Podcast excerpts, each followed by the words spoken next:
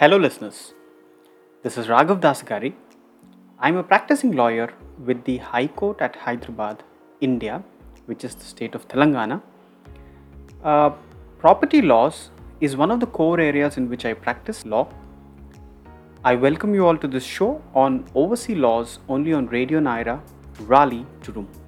Broadcast on three frequencies 99.9 FM HD4, 101.9 FM, and 1490 AM. So today we are going to cover an important aspects related to the property rights. So stay tuned with us to find answers to some of your questions over property rights. So, uh, NRIs and OCIs particularly face a lot of problems when it comes to accessing their inherited movable and immovable assets in India. Stringent policies of banks, in particular, regarding the release of funds of deceased persons leave legal heirs in disarray as they are not fully acquainted with the laws and procedures to access these assets. A succession certificate is what you immediately think of. Now, what is a succession certificate?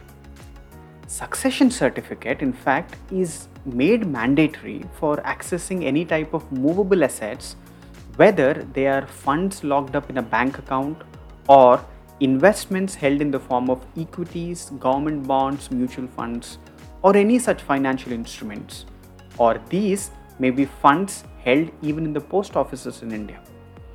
So, succession certificate is a document which is issued by the court for claiming movable assets by the successors of the deceased person. It basically establishes the legitimacy of the heirs and gives them the authority to access the assets. It is issued by the appropriate civil courts in India under the relevant laws of inheritance on an application filed by the beneficiaries in a court of applicable jurisdiction for issuance of such a succession certificate. Now, let me tell you what are the different steps that are involved to obtain a succession certificate in India. Well, the beneficiary that is if you are the person if you who is intending to obtain a succession certificate then you must file a petition to procure a certificate in a court of law this certificate is issued by a district judge under whose jurisdiction the movable assets in question are located or by a judge under whose authority the deceased last lived now, the petition must specify the name of the beneficiary, his or her relationship with the deceased. Now, if the deceased was a Hindu, the names of all his class 1 legal heirs must be provided. The death certificate of the deceased person whose assets are being asked for by the legal heirs must also be attached along with this petition. The court will then notify the parties concerned and provide a time frame within which anyone who has any objection may record such objection before the court. If there are no objections are raised, then the court issues a succession certificate to the beneficiary. Now, if in the event of multiple beneficiaries, a joint certificate is issued by the court of law. Now, having said that, don't you feel that uh, with the changing times, for persons having assets across different borders is becoming very common. And with that comes set of new challenges like should a non-resident Indian, that is an NRI or an OCI in that case, make a separate will for overseas properties? What is the right way to make a will? What happens if he or she dies intestate, that is, without making a will? How should NRIs or OCIs handle cross border legal issues? Well, the questions are many. I will try to give most of the answers today. Now, moving to yet another very important aspect of property rights, and that is how does the transfer happens through inheritance in your name when your ancestors or your near and dear ones pass away by leaving their estate. Now, what are the different documents that are required to actually get, you know, to get your title registered in your name through inheritance? Number one, a will or a succession certificate is an important document. Now, in the Indian mindset, people tend to think that uh, making will is always not the appropriate way of looking at life. They, they tend to feel jittery about when somebody talks about wills. Most of you recognize the importance of this document, but hesitate to broach it with your parent or relative for fear of sounding materialistic. The fact is that the presence of a will, preferably one that is registered, makes it much easier to transfer the title and ownership. If the will does not exist, you will need to obtain a succession certificate from the court. For this, you will need to get together a bunch of documents such as death certificate of the deceased, your birth certificate, copy of a ration card, your bank statement to prove that you're the rightful heir of your ancestor. It is always better to discuss property matters while the deceased is alive so that there is neither ambiguity nor a cause for conflict later. It is a lesson for everyone to sort out such matters when alive so that ugly and never ending legal battles are not fought later, with hefty legal fees reducing the value of the inherited asset.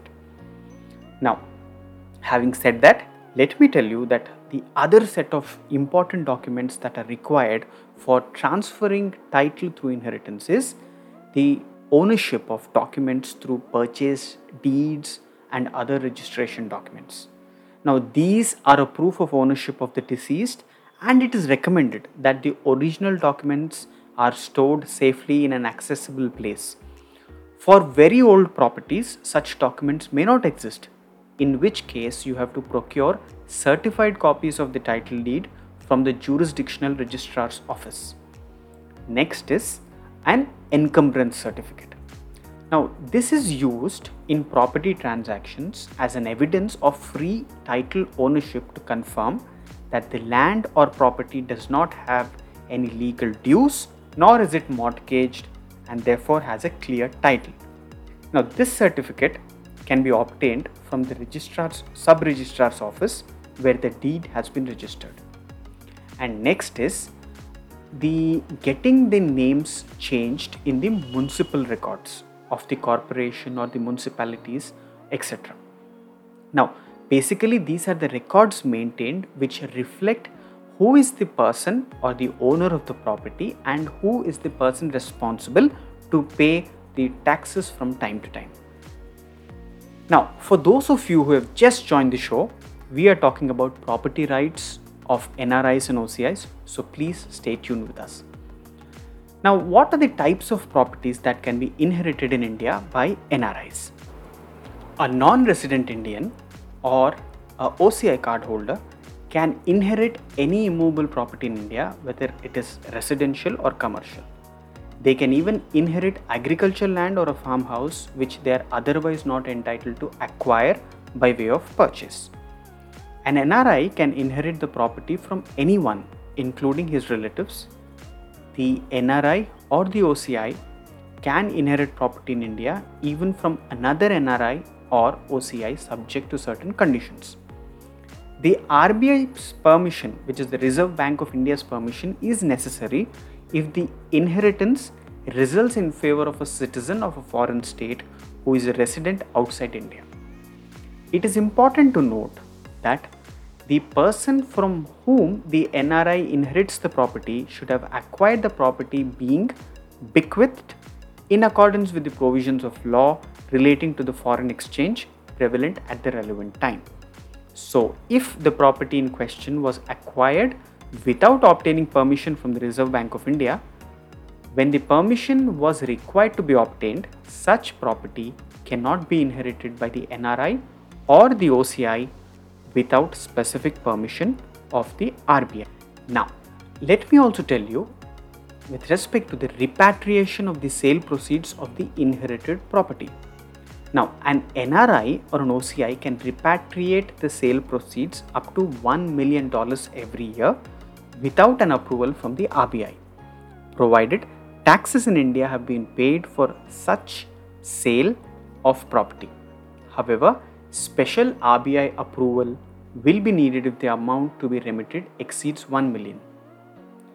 Now, next, can a NRI inherit property in India? Well, I've already answered this in the positive that is, yes, an NRI or a OCI or even a foreign national of non Indian origin can inherit and hold property in India. This includes residential and commercial property. Now, from whom can NRI inherit property? Person resident in India, person resident outside India.